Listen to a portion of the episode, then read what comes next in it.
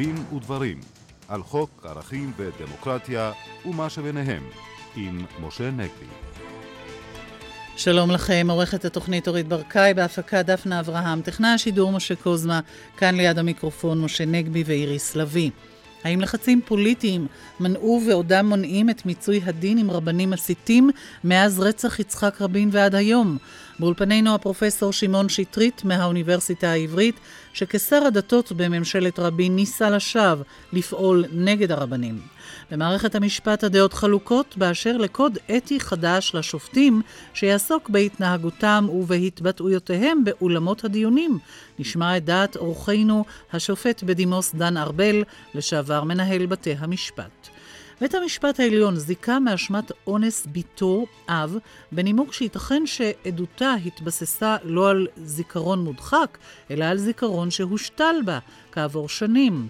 עמנו עורכת הדין ענבר יחזקאלי בליליוס, היועצת המשפטית של מרכזי הסיוע לנפגעות תקיפה מינית, שתדרוש דיון נוסף בעליון על התקדים הזה, ותקרא לכינון בתי משפט ששופטיהם יתמכו בהיבטים הייחודיים של עבירות מין, נדבר על כך. אורחנו אייל בצר, ראש המועצה האזורית עמק יזרעאל, יקרא כאן לחייב בחוק גם את מינהל מקרקעי ישראל בתשלום דמי השבחה לרשויות המקומיות, ובכך לתמרץ בניית דירות וגם להוזילן. כל אלה איתנו, אבל נפתח במבט חוקתי על היוזמה להלבין בחוק את המלגות לאברכים. משה. נדמה לי שכל מה שקורה סביב יוזמת החקיקה הזאת ממחיש קודם כל שבניגוד למה שמקובל לחשוב, בג"ץ לא, לא חזק מדי, אלא חלש מדי, ושכמה חשוב לא להחלישו, אלא לחזקו. בואי נזכור קודם כל, איריס, שאלמלא התערבות בג"ץ בעקבות העתירה של אה, אורנני קוטיאלי, אה, זיכרונו לברכה, האפליה הזאת של סטודנטים, אפלייתם לרעה לעומת אברכי אה, כוללים, שכבר נמשכת עשרות שנים, כמו שאנחנו יודעים, הייתה ממשיכה ולא היה מי שיפצה פה ויצפצף, גם לא מצד uh, אותן מפלגות שהיום קמות ואומרות חייבים להגן על הסטודנטים, זה שערורייה שאברכים שמתבטלים uh, מקבלים מלגות, גם בממשלות שאותן מפלגות ישבו בהן ועמדו בראשן, הפוליטיקאים לא עשו כלום עד שבא בג"ץ ושם קץ לאפליה הזאת. צריך גם לזכור שאילו חלילה התקבלה החלטה, ההצעה שהייתה אה, לשר משפטים מסוים אה, לא מזמן, שבג"ץ לא יוכל להתערב בנושאים תקציביים, בג"ץ לא יכול, לתת, לא יכול היה לתת את ההחלטה אה, ששמה קץ לאפליה הזאת. אז אמרתי, קודם כל אנחנו רואים שבג"ץ לא חזק מדי, אבל אנחנו גם רואים שהוא לא מספיק חזק, משום שאם באמת הכנסת תאמץ את אותו חוק שדורשות כעת המפלגות החרדיות, בהחלט ייתכן וסביר שבג"ץ ידיו יהיו קצרות uh, מלהושיע. זה כמובן לא יהפוך את האפליה לפחות אפלייתית או ליותר שוויונית, אבל בג"ץ לא יוכל להתערב, משום שכרגע עדיין אין לנו חוקה.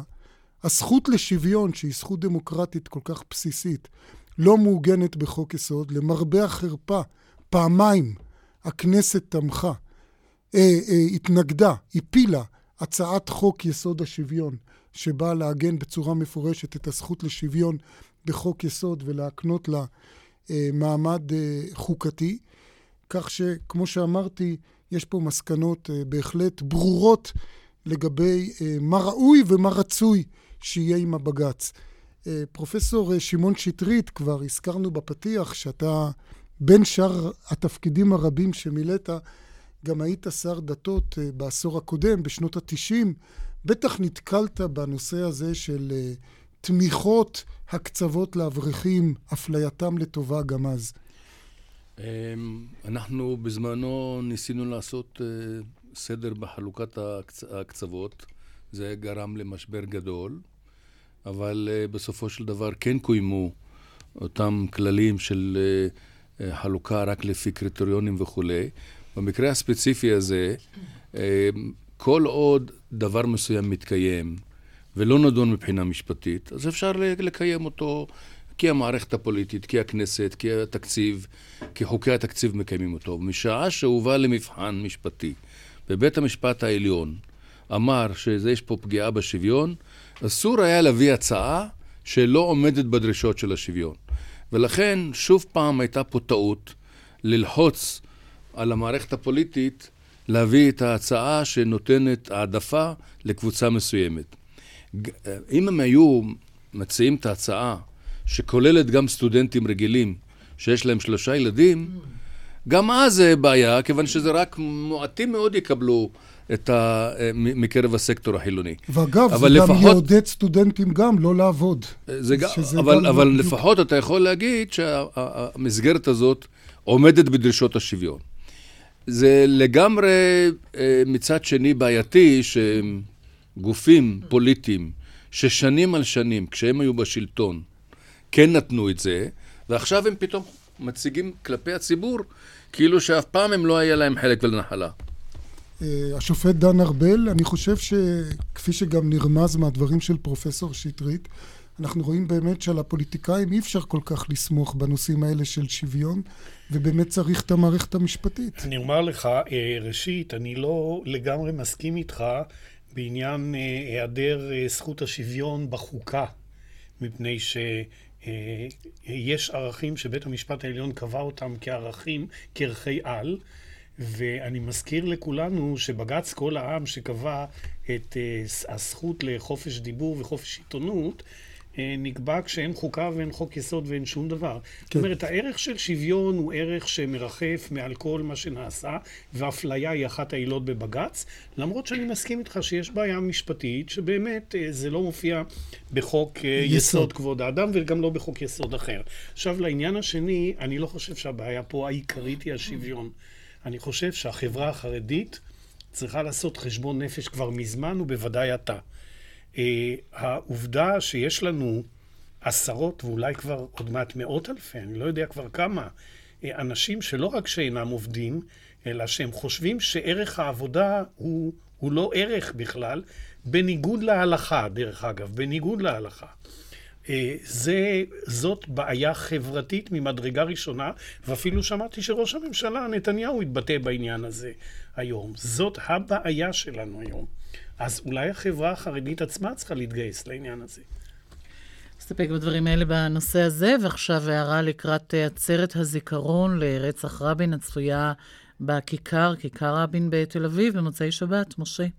אני רוצה פה להביע תקווה, ואני יודע שאני לא מקורי, אפילו שמעתי דברים אה, ברוח הזאת מפי לא אחרת מדליה רבין ביום שישי, בתוכנית "כך היה" של עמיתנו יגאל רביד אה, בערוץ הראשון. אני רוצה לקוות שלא יחזרו על טעויות שהיו בכמה הצהרות קודמות, ולא ייחדו את העצרת הזאת בעיקר לתיאור אה, פועלו ודרכו המדינית ומה שנקרא מורשתו של יצחק רבין, שאגב, כבודן במקומו מונח וראויים בהחלט להוקרה, אבל אני לא חושב שזה מה שצריך לעשות בעצרת שמציינת את יום השנה לרצח הנורא, אלא שבאמת יעסקו באותם דברים שגם מעסיקים אותנו בתוכנית הזאת, שהם איזה לקחים צריך להפיק מכך שנחצח ראש ממשלה בישראל. אני חושב שחשוב להתמקד בזה לא רק בגלל שהעיסוק בדרכו הפוליטית של רבין, ועל זה כבר אמרו רבים, מדיר או עלול להדיר מעצרת אנשים שחלקו על עמדתו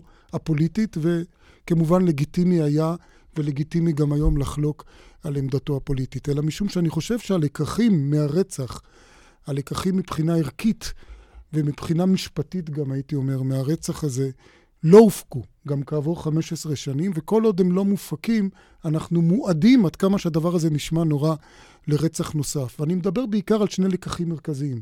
קודם כל, הלקח שצריך להימנע ושאסור לתת בשום פנים ואופן לגיטימציה, לדגל, לדה-לגיטימציה של השלטון.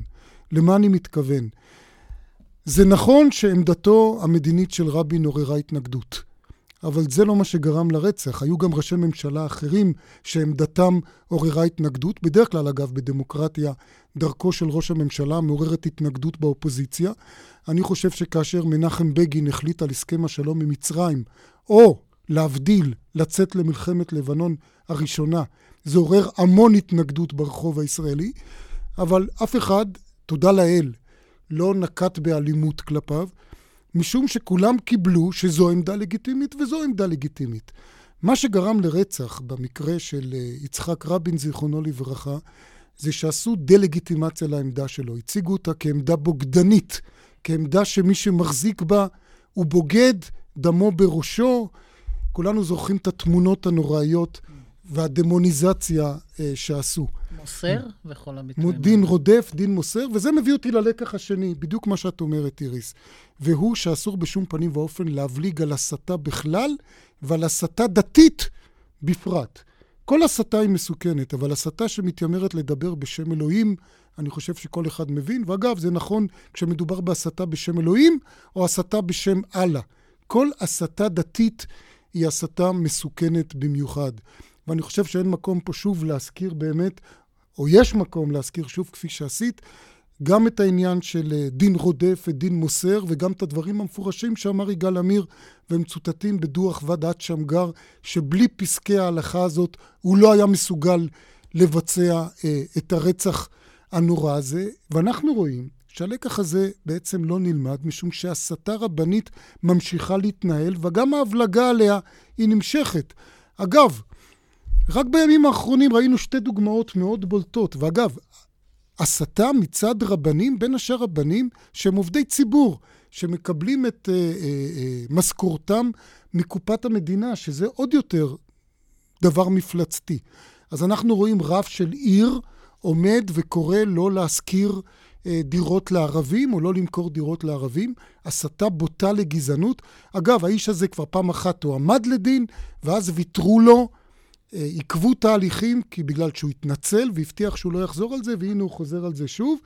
ולאחרונה, ממש היום, ראיתי מחאה של השופט אליקים רובינשטיין על כך שעוד רב של עיר קרא שלא לכלול במניין, עוד פעם, דה-לגיטימציה לאנשים שהם אה, ממלאים תפקידים במערכת המשפט אה, החילונית. ופה אני רוצה לפנות אליך שוב, פרופסור שמעון שטרית.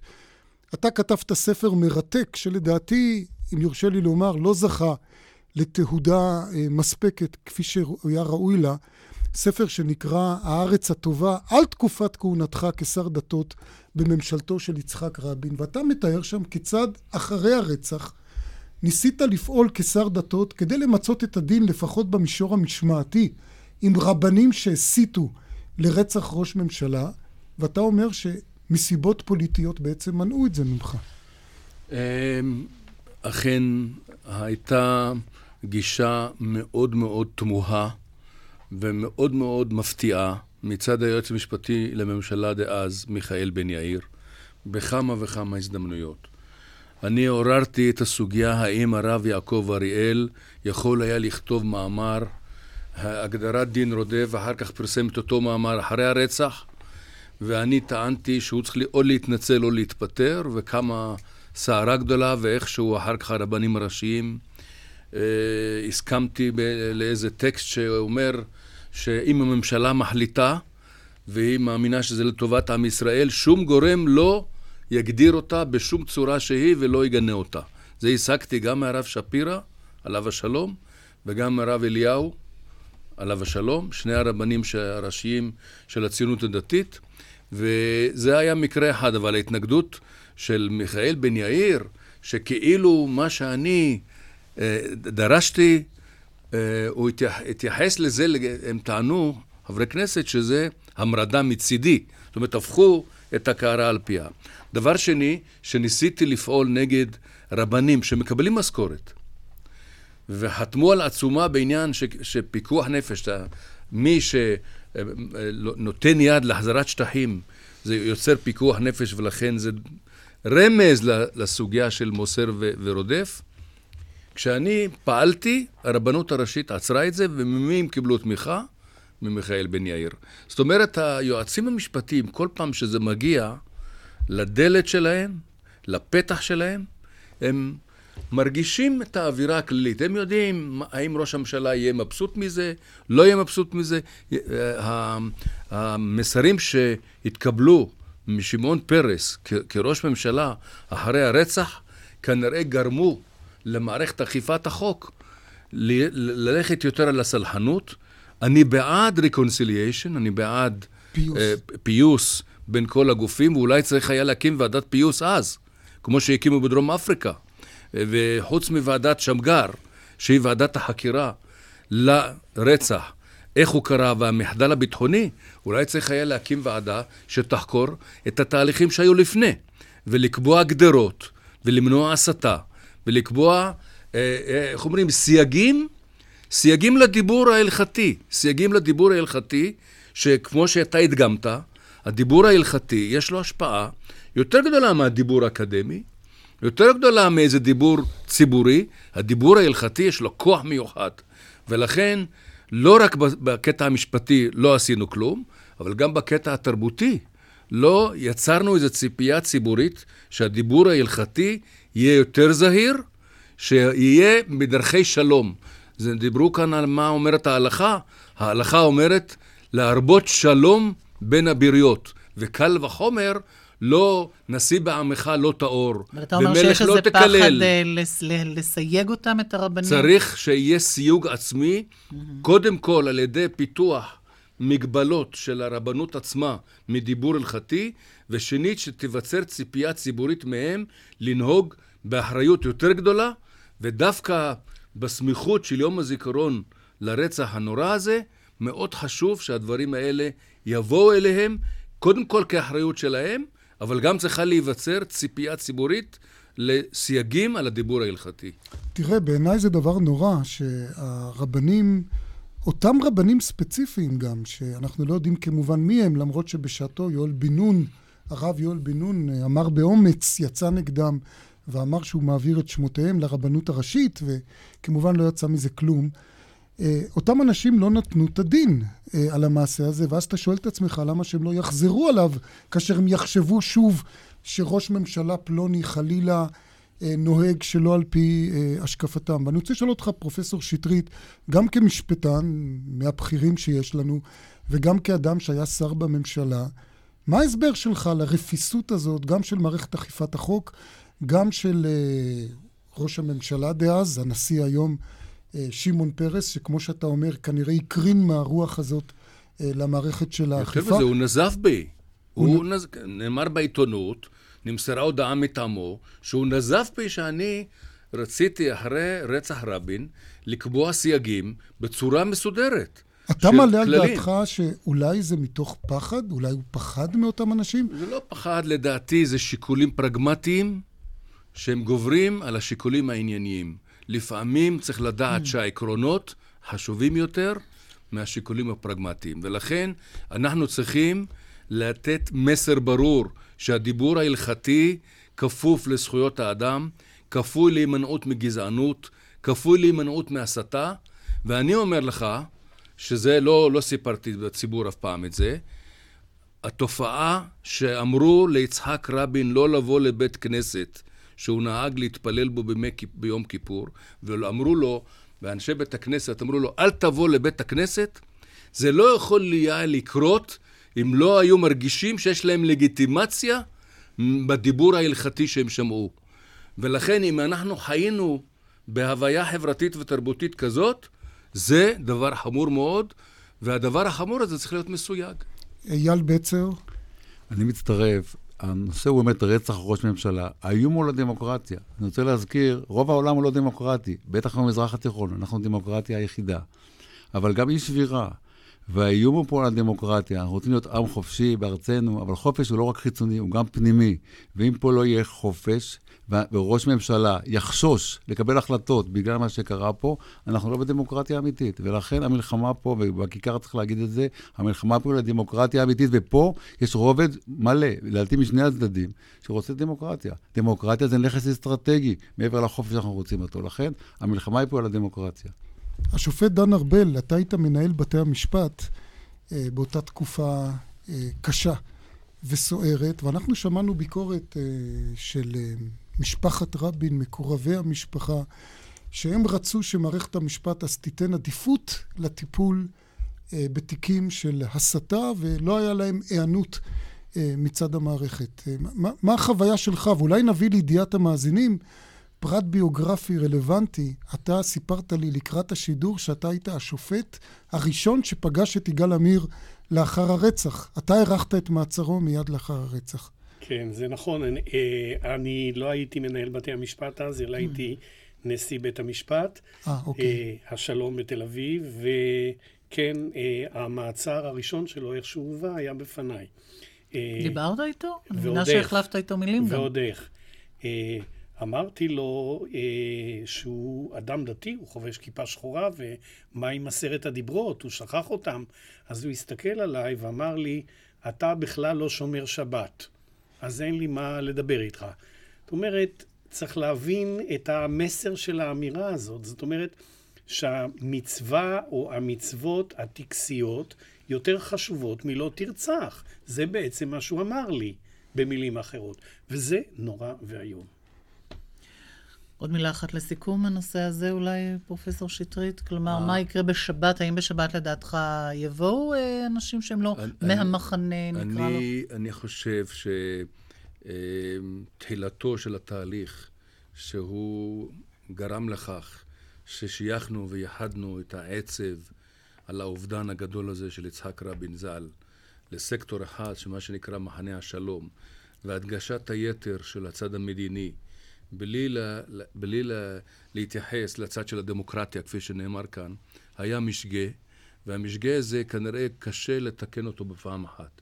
יכול להיות שאם יעשה שיווק והבהרה והטמעה שיצחק רבין, הזיכרון שלו זה על הדמוקרטיה, וגם על הדברים האחרים שהוא עשה, התשתיות, החינוך, הכניסה לשוק ההון האמריקאי, הפתיחות, הטיפול באבטלה, כל הדברים האלה יצחק רבין. הם האור בכביש מספר אחת. אה, בדיוק, הם, הם. הרבה פחות קונטרוברסליים. שוויון לאוכלוסייה הערבית. החזרת קצבאות הילדים גם למי שאיננו, מה שנקרא, יוצאי צבא. כל ההישגים האדירים האלה בתקופת יצחק רבין, המ- המחלפים שהתחילו אז, הרכבת שהתחילה אז.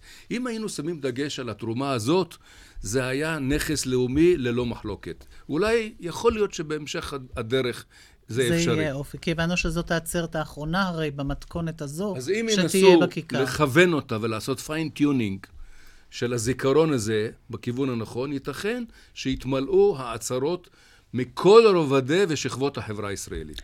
תודה רבה לך, אה, פרופסור שטרית. תודה לאורחנו. אנחנו יוצאים להפסקת אה, פרסומת אה, קצרה. נחזור מיד.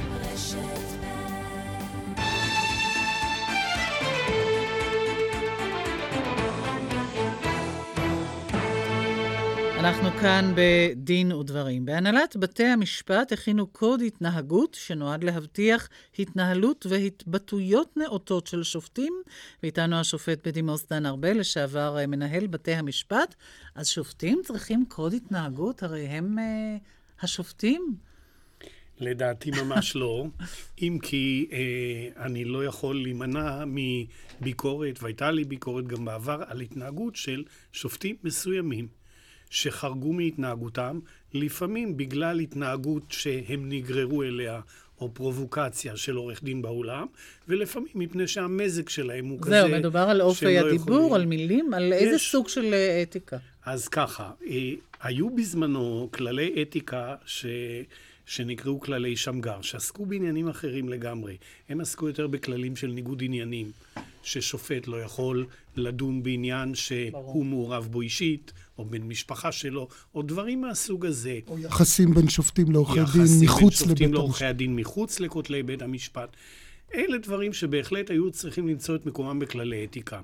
אבל מה שעשו פה, אלה דברים ש... נימוסים והליכות, אפשר לומר. גם אין בהם צורך, וגם עצם הכנסה שלהם ככללים יכולה לגרור אותנו לריבוי תלונות נגד שופטים, תלונות סרק, ויתרה מזאת, כמו שאני קורא את הכללים שמוצעים כאן לפניי, תן לנו אולי דוגמה, אם אני. אתן דוגמה שאם חלק מהם יקוים, אז בתי המשפט בבעיה רצינית. למשל, השופט יאפשר לעורכי הדין, או לא, כן, לעורכי הדין להשמיע טיעוניהם בחופשיות, אמנם כתוב במסגרת הזמן שהקצה לכך וכולי. עכשיו, הדברת אה, בקרב עורכי הדין היא תופעה ידועה, וכל אחד רוצה לתפוס את כל הזמן שבעולם, אבל יש הרבה עורכי דין והרבה תיקים, וצריך לתת זמן לכולם. זאת אומרת, אסור לשופט להגיד, אה, בבקשה תקצר ותגיע למשל, לעניין או משהו? הוא מיד, אה, מיד אה, יקבל תלונה, והתלונה תידון וכולי. שופטים לא יכולים להיות מאוימים כל הזמן בתלונות. צריך לתת להם יד חופשית. אם הם לא מסוגלים לזה, אז יותר טוב שלא יהיו שופטים. זאת אומרת, העניין הוא בבחירה מלכתחילה. כולל מבחני אישיות שאני תמכתי בהם תמיד, ומשום מה לא נכנסו אלא לאחרונה, מבחן אישיות שלא ייכנסו שופטים שהם קצרי רוח, שאין להם מזג שיפוטי. שופט שיש לו מזג שיפוטי לא צריך את כל הכללים האלה, ואם אנחנו נכניס את זה למסגרת של כללים, ניתקל בריבוי של תלונות. עכשיו, מה הבעיה? הבעיה היא שיש לנו היום כבר קרוב ל-60 אלף עורכי דין בישראל. אין לעניין הזה אח ורע בשום מקום בעולם. ריבוי עורכי הדין יוצר לחץ גם באולמות, גם בתחרות ביניהם. וגם גרם לירידה ברמה, לצערי. אבל עדיין יש עורכי דין אה, שחוקים, נרגנים, מראים, שרי אה, שמדברים לא יפה. אנחנו שומעים את הסיפורים, עם כל הכבוד לאחרים שהם נפלאים. זה בדיוק, את אומרת על שופטים או עורכי דין? דווקא על שופטים לפעמים גם יכולים להגיע. אז אני אומר, יש פה... מהנהנים פה עורכי הדין בראשם. לא, אז אני אומר, קודם כל כן. יש, זה, זה קבוצת בני אדם, יש כאלה ויש כאלה. אלא מה? צריך לזכור שמדובר פה באיזושהי אה, אינטראקציה בין שופטים לעורכי דין. זאת אומרת, יש כל הזמן דו-שיח. ולפעמים עורכי דין גורמים להתלהמות באולם. נכון, שופט צריך להיות קר רוח ולדעת איך לעמוד ולהתמודד עם זה. לפעמים הפרובוקציה היא כל כך קשה, שהוא נאלץ לנזוף בעורכי הדין, אסור לו לנזוף, אסור לו להרים את קולו, אסור לו שום דבר לפי הכללים. במצב כזה אה, לא תהיה משמעת באולמות, יהיו כל הזמן תלונות, ואני מצפה, אגב, לכללי אתיקה של עורכי הדין, לא רק של שופטים. אה, פרופסור שמעון שטרית, נזכיר למאזינים שאתה בזמנו חיברת ספר, הייתי אומר כמעט ספר מנחה, בנושא של אתיקה של שופטים, עוד בראשית דרכך האקדמית. וגם בישרת לי שבקרוב אתה מוציא מהדורה חדשה של הספר הזה. איך אתה רואה את הנושא הזה של צריך לשפוט שופטים? מי ישפוט את השופטים על התנהגותם? אה, קודם כל, אני רוצה לומר לך, בעקבות אותה עבודה שאני עושה עכשיו על המהדורה השנייה של הספר שלי על השופטים באנגליה, אגב, זה נקרא Judges on Trial, אז עכשיו למדתי שאנגליה, שבעבר המסורות היו בלתי כתובות, יש קוד אתי לסופרים קורט אוף די UK, ויש קוד אתי לכל השופטים באנגליה. והעניין הזה של האם צריך או לא צריך קוד, התשובה היא חד משמעית כן. זאת אומרת, גם באנגליה, שהיא בתרבות של It's not done וזהו, יש כתיבה מסודרת של, של כללי אתיקה. עכשיו, גם אנגליה זה לא מה שהיה פעם, אתה אומר. גם אנגליה, נכון, וגם ישראל זה לא מה שהיה פעם, שפעם היה מספר שופטים קטן, והם נבחרו בצורה מאוד מדוקדקת. היום אנחנו יודעים שיש הרבה מאוד שופטים, והרמה של הפרקליטים ירדה, אז גם הרמה של השופטים ירדה. אתה לא יכול להגיד את זה, כי אתה בא משם, אבל אני אגיד את זה. וכיוון שירדה רמת השופטים, ורמת הריסון שלהם, והאתיקה ההתנהגותית שלהם בבית המשפט, התשובה שגובשה היא תשובה נכונה. האנשים שישבו בוועדה הזאת, שממליצים על הקוד הזה, עשו עבודה נכונה, כי זה מענה לבעיה אמיתית. ואני לא צופה שאם יתקבלו התקנות האלה או הכללים האלה, אה, שהכללים האלה הם, הם יפריעו או יכבידו. לשיטות. פשוט זה הנחיה. אבל אתה מסכים להתנהג... עם השופט דן ארבל שצריך גם קוד אתי לעורכי הדין? ועוד איך יש קוד אתי לעורכי דין, אבל צריך לפרט אותו קצת יותר. צריך גם, גם לקיים הם, אותו. וגם צריך לקיים אותו. לכן אני אומר, לקוד... שמדגיש את הנושא של התנהלות בבית המשפט. אגב, זה מאוד מעניין. כשוועדת לנדו לראשונה בשנות ה-80 דנה בכללי האתיקה, היא החליטה בכלל לא לעסוק בכללי אתיקה בבית המשפט. היא חשבה שזה מובן מאליו. מי כתב דברי הסתייגות? השופט חיים כהן. הוא כתב שזה לא צודק, שהם לא כתבו... על עצמם. גם, גם את, על הקטע הזה. ועכשיו אנחנו הגענו למסקנה שיש גם כללי אתיקה, גרסה שנייה, אחרי הגרסה של שמגר ב-93. יש גרסה של השופט חשין. יש גרסה של השופט חשין שהיום היא מחייבת, כי היא אושרה על ידי הנשיאה לפי תיקון לחוק, ואושרה על ידי ועדת החוקה, חוק ומשפט, ובהתאם לזה ישלימו עוד פרק נוסף לתוך אותו קוד אתי, והיום אני חושב שזה ראוי לפרט ולכוון ולהנחות, ואם זה קצת יפריע, המאזן הוא שזה לטובת הציבור, כי הציבור בסופו של דבר נפגע מהתנהגות לא ראויה. עורכת הדין ענבר יחזקאלי, נזכיר, היועצת המשפטית של מרכזי הסיוע לנפגעות תקיפה מינית, נדמה לי שגם נפגעות התקיפה המינית נפגעות לפעמים מהתנהגות לא נאותה של שופטים וגם של עורכי דין. הנה, שתי דוגמאות ככה מהזמן האחרון. שופט בית המשפט המחוזי בירושלים, שרק לפני ימים אחדים אה, התקשר לנפגעת גילוי עריות קטינה.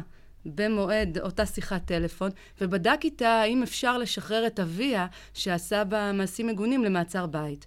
זה מסוג הדברים שבאמת בעבירה אתית, אה, בעינינו לפחות... בפסק הדין טריפוס נקבע שאסור שיהיה תקשורת חד צדדית mm-hmm. עם אחד הצדדים, כמובן לא... ודוגמה נוספת של לא התבטאות של שופט... זה נכון, מובן. נכון, אבל מסוג הדברים... אה, זה מובן, והנה, והדברים קורים. אה, שופט בדימוס, אה, שלי טימן, שלא מזמן התראיין על כל הנושא הזה של חשפנות ושל עבירות מין, וככה אמר, אם אותה בחורה עולה לביתו של אותו אדם, שלא תתפלא אחר כך שהיא מוצאת עצמה נאנסת. זה ככה איזשהו תרגום חופשי של מה שנאמר. אמירות קשות במיוחד שנאמרות על ידי שופטים... זה התבטאות מתחום האתיקה או מתחום המשפט כבר? אני חושבת שגם וגם. גם אתיקה. זו, גם זו, אתיקה. זאת שאלה, ו, ושופט בדימוס אולי צריך לחשוב על הדברים שנאמרים גם ש... אחרי... ואחד הדברים שקראנו זה תלונה נגד שופטת שקראה לעורך דין מותק. אז אה, גם זה, זה לא ראוי. יכולה כן. אפילו להיחשב הטרדה מינית. כן, השופט דן ארבל אולי... אה, שוב, אני חוזר ואומר, אה, יש בהחלט מקרים ששופטים מתנהגים לא כפי שצריך. ולשם זה הוקם נציב תלונות השופטים. ואומנם יש תלונות כאלה, ואין צורך בכללי האתיקה האלה שיגררו מבול של תלונות סרק, ולא יאפשרו לשופט שהוא באמת עושה את תפקידו כראוי, לנהל דיון בצורה נכונה ולהשליט משמעת. כן, גם משמעת צריך להשליט באולם בית המשפט. תודה רבה לך, השופט אה, דן ארבל, אה, על הדברים האלה. ועכשיו אל הנושא הבא. בית המשפט העליון זיכה אב שהורשע בהתעללות מינית ממושכת בביתו, בעוד uh, המחוזי ביסס את ההרשעה על זיכרונה המודחק של הבת, שצף ועלה לאחר התבגרותה, גרס uh, בית המשפט העליון שאפשר שמדובר בזיכרון מושתל. אנחנו שוב חוזרים למושג הזה, עורכת דין ענבר יחזקאלי בליליוס, ממרכזי הסיוע לנפגעות uh, תקיפה מינית. אז זה באמת אה, תקדים מקומם. נדמה לי שכבר אה, עבר הנושא הזה, לא? כבר לא, הבנו שהנתקפת שה, מדחיקה ואז משחזרת. אז הנה, אנחנו שוב מדברים על מונחים שהם מונחים שדורשים אה, מומחיות. אנחנו מדברים על זיכרון מודחק וזיכרון מושתל, ובמקרה הזה התערבבו גם עניין של ההתיישנות פתאום נכנס פנימה דרך הזיכרון המודחק והמושתל, ושאלות שדורשות באמת התייחסות מקצועית שמבינה עד הסוף את כל הסוגיות של עבירות מין, של פגיעה מינית. של ההשלכות של הפגיעה המינית ושל המאפיינים שלה. ואחד הדברים שאנחנו רואים גם במקרה הזה, וגם במקרים אחרים, אה, במשפט קצב, שאנחנו ככה מחכים אה, להכרעת, אה, להכרעת הדין, שבתי המשפט זקוקים להתמחות ייחודית בעבירות מין כאשר הם עוסקים בהם. גם במישור של העדות של אותה נפגעת. כאשר היא מגיעה לתת עדות, אנחנו הרי מכירים את המיתוסים, והם לא מיתוסים, של האונס השני שעוברת אותה נפגעת על דוכן העדים. אנחנו קוראות באיגוד מרכזי הסיוע להקים בתי דין ייחודיים שיתמכו בעבירות מין, שיהיו למי שמבצע שם, מי שמבצע את ההליך השיפוטי למען עשיית הצדק, יעשה זאת על ידי מומחיות אה, בתחום. כמו שאנחנו מכירים, בתי, בתי הדין אה, אה, למשפחה, לתעבורה, לעבודה, יש התמחויות שונות אה, במערכת המשפט הישראלית, והגיע הזמן שגם אה, אה, נתמחה בתחום הזה. אני מבין שאתם גם פניתם לפרקליטות המדינה באופן ספציפי בתיק הזה שדיברה עליו איריס, לבקש דיון נוסף בהרכב מורחב בבית המשפט העליון. אני אצדק אם אני אומר שאם התקדים הזה יישאר, זה עלול כמעט לסתום את הגולל על uh, רוב התיקים של גילוי עריות, כי הרי ברוב המקרים הילדה האומללה מדחיקה את הזיכרון, ולאחר מכן הוא צף ועולה, ותמיד אפשר להגיד, אולי זה הושתל בה. כן. אני רק אתקן, אנחנו עוד לא, עוד לא פנינו באופן רשמי לפרקליטות המדינה, אנחנו ככה אה, לומדים את אה, פסק הדין, פסק הדין הארוך והסבוך. אה, ואנחנו ככה, לוח הזמנים אה, דוחק, אבל אנחנו סבורות שפרקליטות המדינה צריכה לעתור ולקיים דיון נוסף. מדובר בסוגיה חשובה שמשליכה הרבה מעבר למקרה הספציפי הזה. אנחנו יודעים שבתי המשפט המחוזיים מחכים אה, סיפורים דומים מאוד, תיקים דומים מאוד, שיגיעו יום אחד לבית המשפט העליון, ובעצם... בעצם אה, בסוגיה הזאת של זיכרון מודחק, אה, למרכזי הסיוע לאורך שנים אנחנו נתקלות בנשים האלו. דיסוציאציה, אותה דיסוציאציה שככה נאמרה פה, אה, זה משהו שמוכר בתחום הפסיכולוגי. לאורך שנים... אה, במעשי טראומה בכלל. במעשי טראומה בכלל. כלומר, אדם מתנתק ממה נכון, שקרה לו. נכון, ולאורך, ולאורך שנים בתי המשפט הכירו וצברו מומחיות מסוימת בהבנה שהעדות של נפגעת תקיפה מינית, קשה לה להיות קוהרנטית, קשה לה אה, לדבר את הדברים דבר אחרי דבר בצורה סדורה. ובכל זאת, הדחקת הזיכרון המוחלטת לאורך שנים ארוכות לא הגיעה עד היום לבית המשפט העליון. והנה היא מגיעה, והיא דורשת שם מומחיות, היא דורשת שם, מעבר לעדים המומחים שהעידו בפני בית המשפט. הרי איך ייתכן שבית המשפט המחוזי הרשיע אה, אה, באופן... אה, פה אחד. פה אחד, הרשיע פה אחד, אחרי שהוא שמע את העדים, אה, ראה, את ה, ראה מכלי ראשון, בסוגיה שהיא כל כך מורכבת, שדווקא בעניין הזה של זיכרון מודחק, היה חשוב לראות את העדה, לראות, לשמוע אותה, ו, וששיקולי המהימנות שם הם כל כך רלוונטיים לסוגיה הספציפית כן, בנקודה הזאת. הזאת בדיוק אני רוצה כן. לפנות אליך, השופט דן ארבל, הרי אתה ישבת על כס המשפט שנים ארוכות. זה באמת אולי דבר תמוה בפני עצמו. אנחנו הרי רגילים שבית המשפט העליון אומר, אני לא מתערב במהימנות עדים, כי אני לא ראיתי את העדים. ופה במקרה כזה, כל כך רגיש, כל כך טעון, שמדובר על טראומה של ילדה וכולי, ילדה שהתבגרה בינתיים כמובן, שם בית המשפט העליון את החלטתו מעל ההחלטה של השופטים שראו את העדה? איך אתה רואה את זה? אז אני רוצה פה שתי הערות. אחת, לעניין הזה של התערבות בית משפט העליון בשיקולי מהימנות, אני בהחלט מסכים איתך. אני לא חושב שבית משפט עליון ובית משפט של ערעור בכלל, גם המחוזי, כשהוא יושב בערעור על בית משפט השלום, צריך להתערב בשיקולי מהימנות. ואני לא המצאתי את זה. בית המשפט העליון קבע את זה בהלכה, בהלכות שלו עצמו, שוב ושוב, וגם הלכה דומה רווחת בכל המדינות שאנחנו מכירים ומנהלים את המשפטים לפי אותה שיטה. אנגליה, ארצות הברית וכולי וכולי. אז אני לא מבין מה, מה פה, איזה יתרון יש לבית המשפט העליון, למשל השופטת ברכה אופיר, שישבה ושמעה את העדים במחוזי, והיא נתנה פסק דין, והרשיעה. היא הרשיעה וצריך לסמוך על שיקול הדעת שלה. אז זה, זאת הערה אחת. לעניין השני, עם חברתי כאן, אני לא כל כך מסכים לצערי. מפני שהדרישה הזאת לכל אה, תת-נושא, אה, להקים איזה צוות מומחים או בית משפט מתמחה, אני חושב אין לזה סוף. האוצר דורש בית משפט לענייני כלכלה וניירות ערך, אה, בית משפט מיוחד לענייני מיסים, יהיה בית משפט מיוחד לענייני גנבים, בית משפט... יש, אה, אה, ספר החוקים שלנו מלא בתת נושאים שונים, אי אפשר לכל דבר להקים בית משפט מומחה. אז מה עושים? הנשיא של בית המשפט דואג ששופט שמתמחה בתחום מסוים, הוא ינהל את המשפט. במקרה הזה, למשל, השופטת ברכה אופיר, גם חברתי מסכימה, נכון. שהיא בהחלט התמחתה נכון. בנושא הזה, והיא יודעת מה שהיא כתבה. ברור. לעומת זה, בית המשפט העליון לא יכול להיות מומחה בשום דבר, כי הוא בית המשפט העליון. הוא לא יושב כמומחה, הוא יושב כקובע הלכות. זה תפקידו. ברור. אני רק ככה בעניין, בעניין הזיכרון, אנחנו מרצח רבין, דרך... אה, יש לנו נטייה לרצות לא לזכור ולא לדעת, זו נטייה חברתית, לה, להדחיק. להדחיק זו נטייה חברתית שאנחנו ממשיכים את ההשתקה. זה נכון כמדינה, גם בתחום של השואה. אנחנו יודעים שכשעלו שארית הפליטה לארץ, ניסו להשתיק ולהדחיק את אותם okay. אוקיי. סיפורים קשים, עושים את זה שוב בגילוי עריות. ובעצם פסק הדין הזה ממשיך את ההשתקה הכל כך קשה שאנחנו מתרעמות עליה ונלחמות בה. תודה רבה לך, אה, עורכת הדין ענבר אה, יחזקאלי בלילוס. ועכשיו לעניין אה, הבא. איתנו כאן אייל בצר, ראש המועצה האזורית עמק יזרעאל, ואתה מציע פתרון חוקי למחסור בדירות, לחייב גם את מינהל מקרקעי ישראל בתשלומי השבחה לרשות המקומית, שכל אזרח במדינה חייב בה, נכון? בוודאי. כולם מלינים על מחירי הנדל"ן הגבוהים שמאמירים משנה לשנה. הסיבה העיקרית זה חוסר בהיצע. הביקוש עולה על ההיצע, וכל אחד מבין שהשוק רותח כשיש חוסר בהיצע. צריך לטפל בהיצע, להגדיל את ההיצע, וצריך פשוט לעבוד לפי החוק. החוק קובע, חוק התכנון והבנייה קובע, שמי שמקדם תוכניות זה הרשויות המקומיות באמצעות ועדות התכנון והבנייה, מקומיות ומחוזיות, אחר כך גם ארציות אם צריך, אבל זה מתחיל מלמטה, מהוועדות המקומיות. החוק קובע שמי שמפתח את המגרשים זה הרשויות המקומיות, דרך חוקי העזר. הרי איזה פלא. המדינה עצמה, המדינה עצמה, עיקרה את עיקרון החוק הזה. איך היא עשתה את זה? ידי כך שהיא פטרה את, את קרקעות המדינה, את מנהל מקרקעי ישראל, בניגוד לקרקע פרטית, ששם חל היטל השבחה על כל יוזם אה, קרקע פרטית שהופך אותה בשינוי ייעוד למגורים. היא פטרה אותה מהיטל ההשבחה. כלומר, ההשבחה הולכת כולה, או יותר נכון, דמי החקירה המובנים, הולכים כולו לאוצר המדינה, ולא נשאר שקל אחד, לא ברשות המקומית ולא בוועדת תכנון ובנייה, כך שאין לה שום כלים אמיתיים לקדם את התוכניות. ומה שנוצר פה, נוצר פה לאורך שנים, משנה לשנה, הפער הולך וגדל, והמחירים מאמירים. אז רגע, איך ההצעה שלך תגרום לכך שיהיה יותר היצע? היא, היא כל כך פשוטה, שזה איוולת שלא מקיימים אותה למחר לאלתר.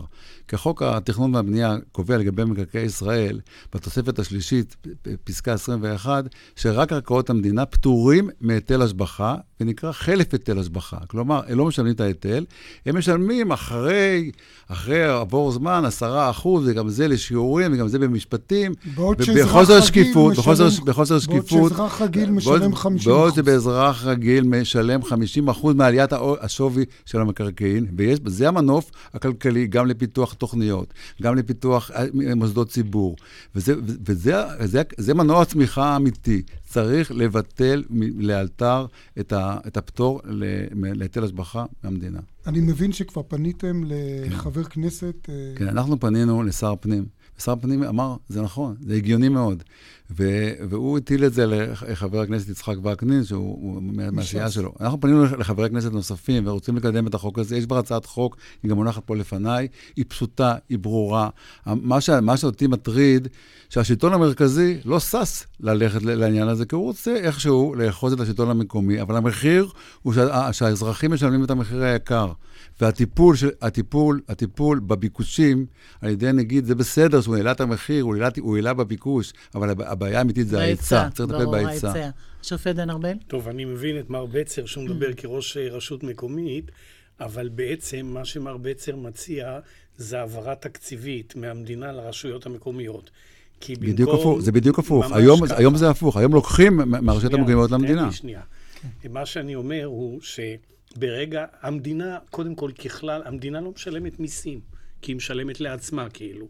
אז בכל מקום שיש עניין של אגרות או של מיסוי שהמדינה מעורבת בו, המדינה לא משלמת מיסים, זה הכלל, כי היא לא משלמת לעצמה.